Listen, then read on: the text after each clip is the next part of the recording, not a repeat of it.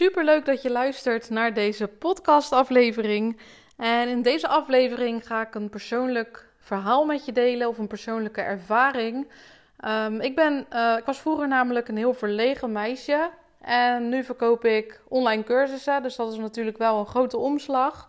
Nou, misschien herken je het wel van vroeger, als je ook vroeger uh, verlegen was. Dat wanneer je dan een presentatie moest geven, dat je dan heel zenuwachtig was. En dat je altijd knalrood werd tijdens de presentatie.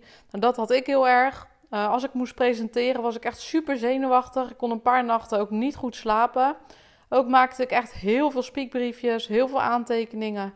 Om ervoor te zorgen dat ik mijn verhaal niet zou vergeten. En tijdens het presenteren werd ik altijd echt knalrood. En ik schaamde me en ik kwam niet goed uit mijn woorden.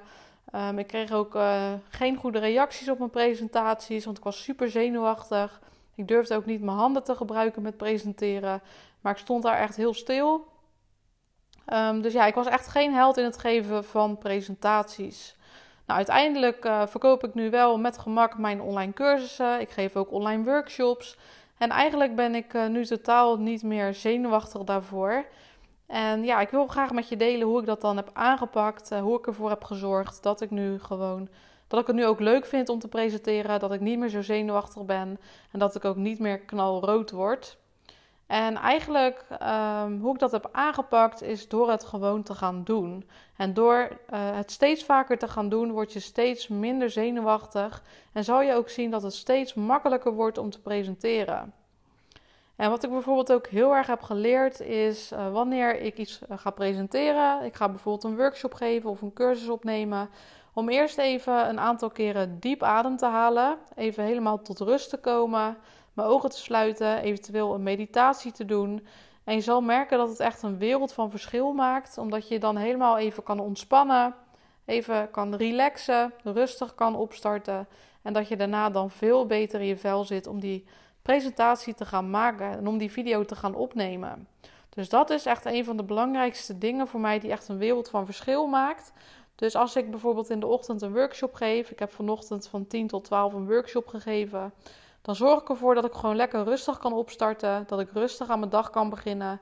Ik neem nog even een koffie, ik ga rustig even op de bank zitten. En dan een paar minuten voordat de workshop begint, ga ik achter mijn laptop zitten. Uh, haal ik even een paar keer diep adem. En ik voel dan nog wel een klein beetje spanning, maar niet uh, zodat ik helemaal dichtklap.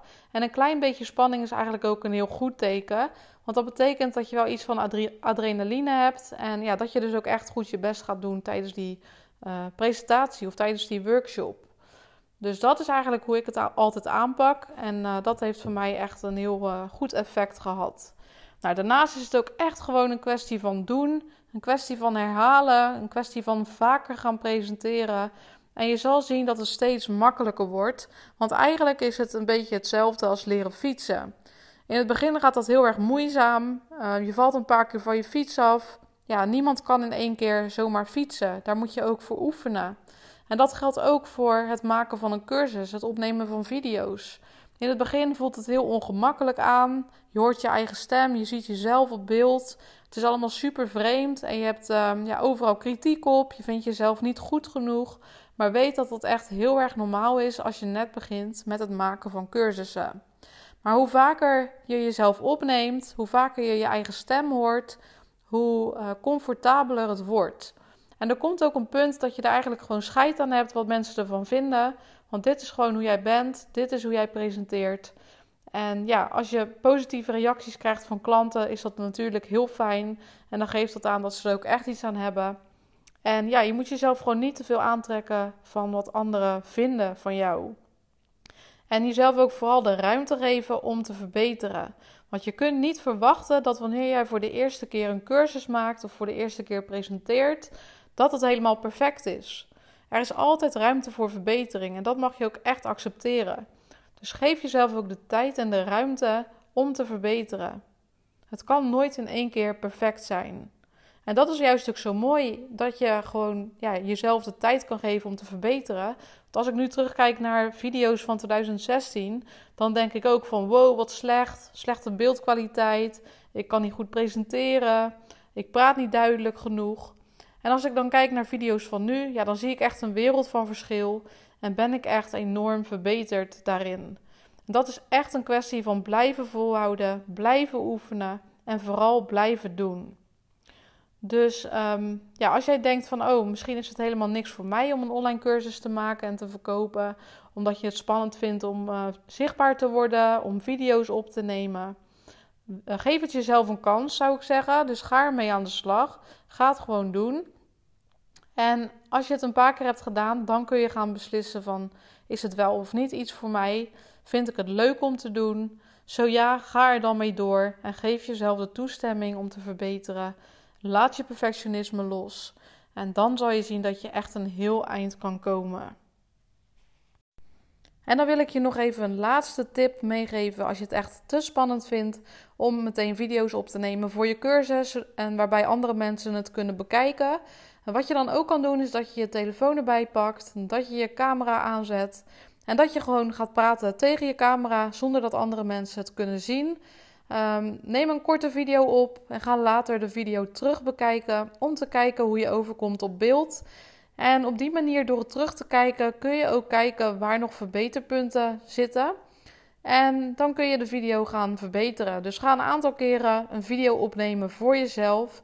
Kijk het terug. Kijk hoe jij de video's beter kan maken. En op die manier kan je ervoor zorgen dat je al een beetje kan oefenen voordat je echt video's gaat maken voor je cursus. Dus die tip wilde ik je nog even meegeven.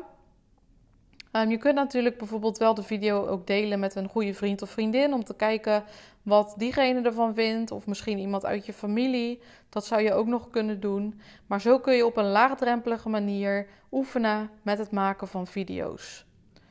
Dus ik hoop dat je wat hebt aan deze tip. Nou, dan was dit de podcastaflevering. Hij was wat korter dan normaal, maar ik hoop dat je er uh, iets mee kunt. Uh, mocht je dit een fijne podcast vinden, dan zou ik het heel erg waarderen als je een review zou willen achterlaten. Um, je kunt een aantal sterren geven als je deze podcast beluistert via Spotify. En ik zou het natuurlijk super waarderen als je een 5 sterren review wil achterlaten. Dat helpt mij ook weer om meer mensen te bereiken. En daardoor kan ik weer meer mensen helpen met het maken en verkopen van online cursussen. Dan wens ik je voor nu een hele fijne dag en hopelijk tot de volgende aflevering.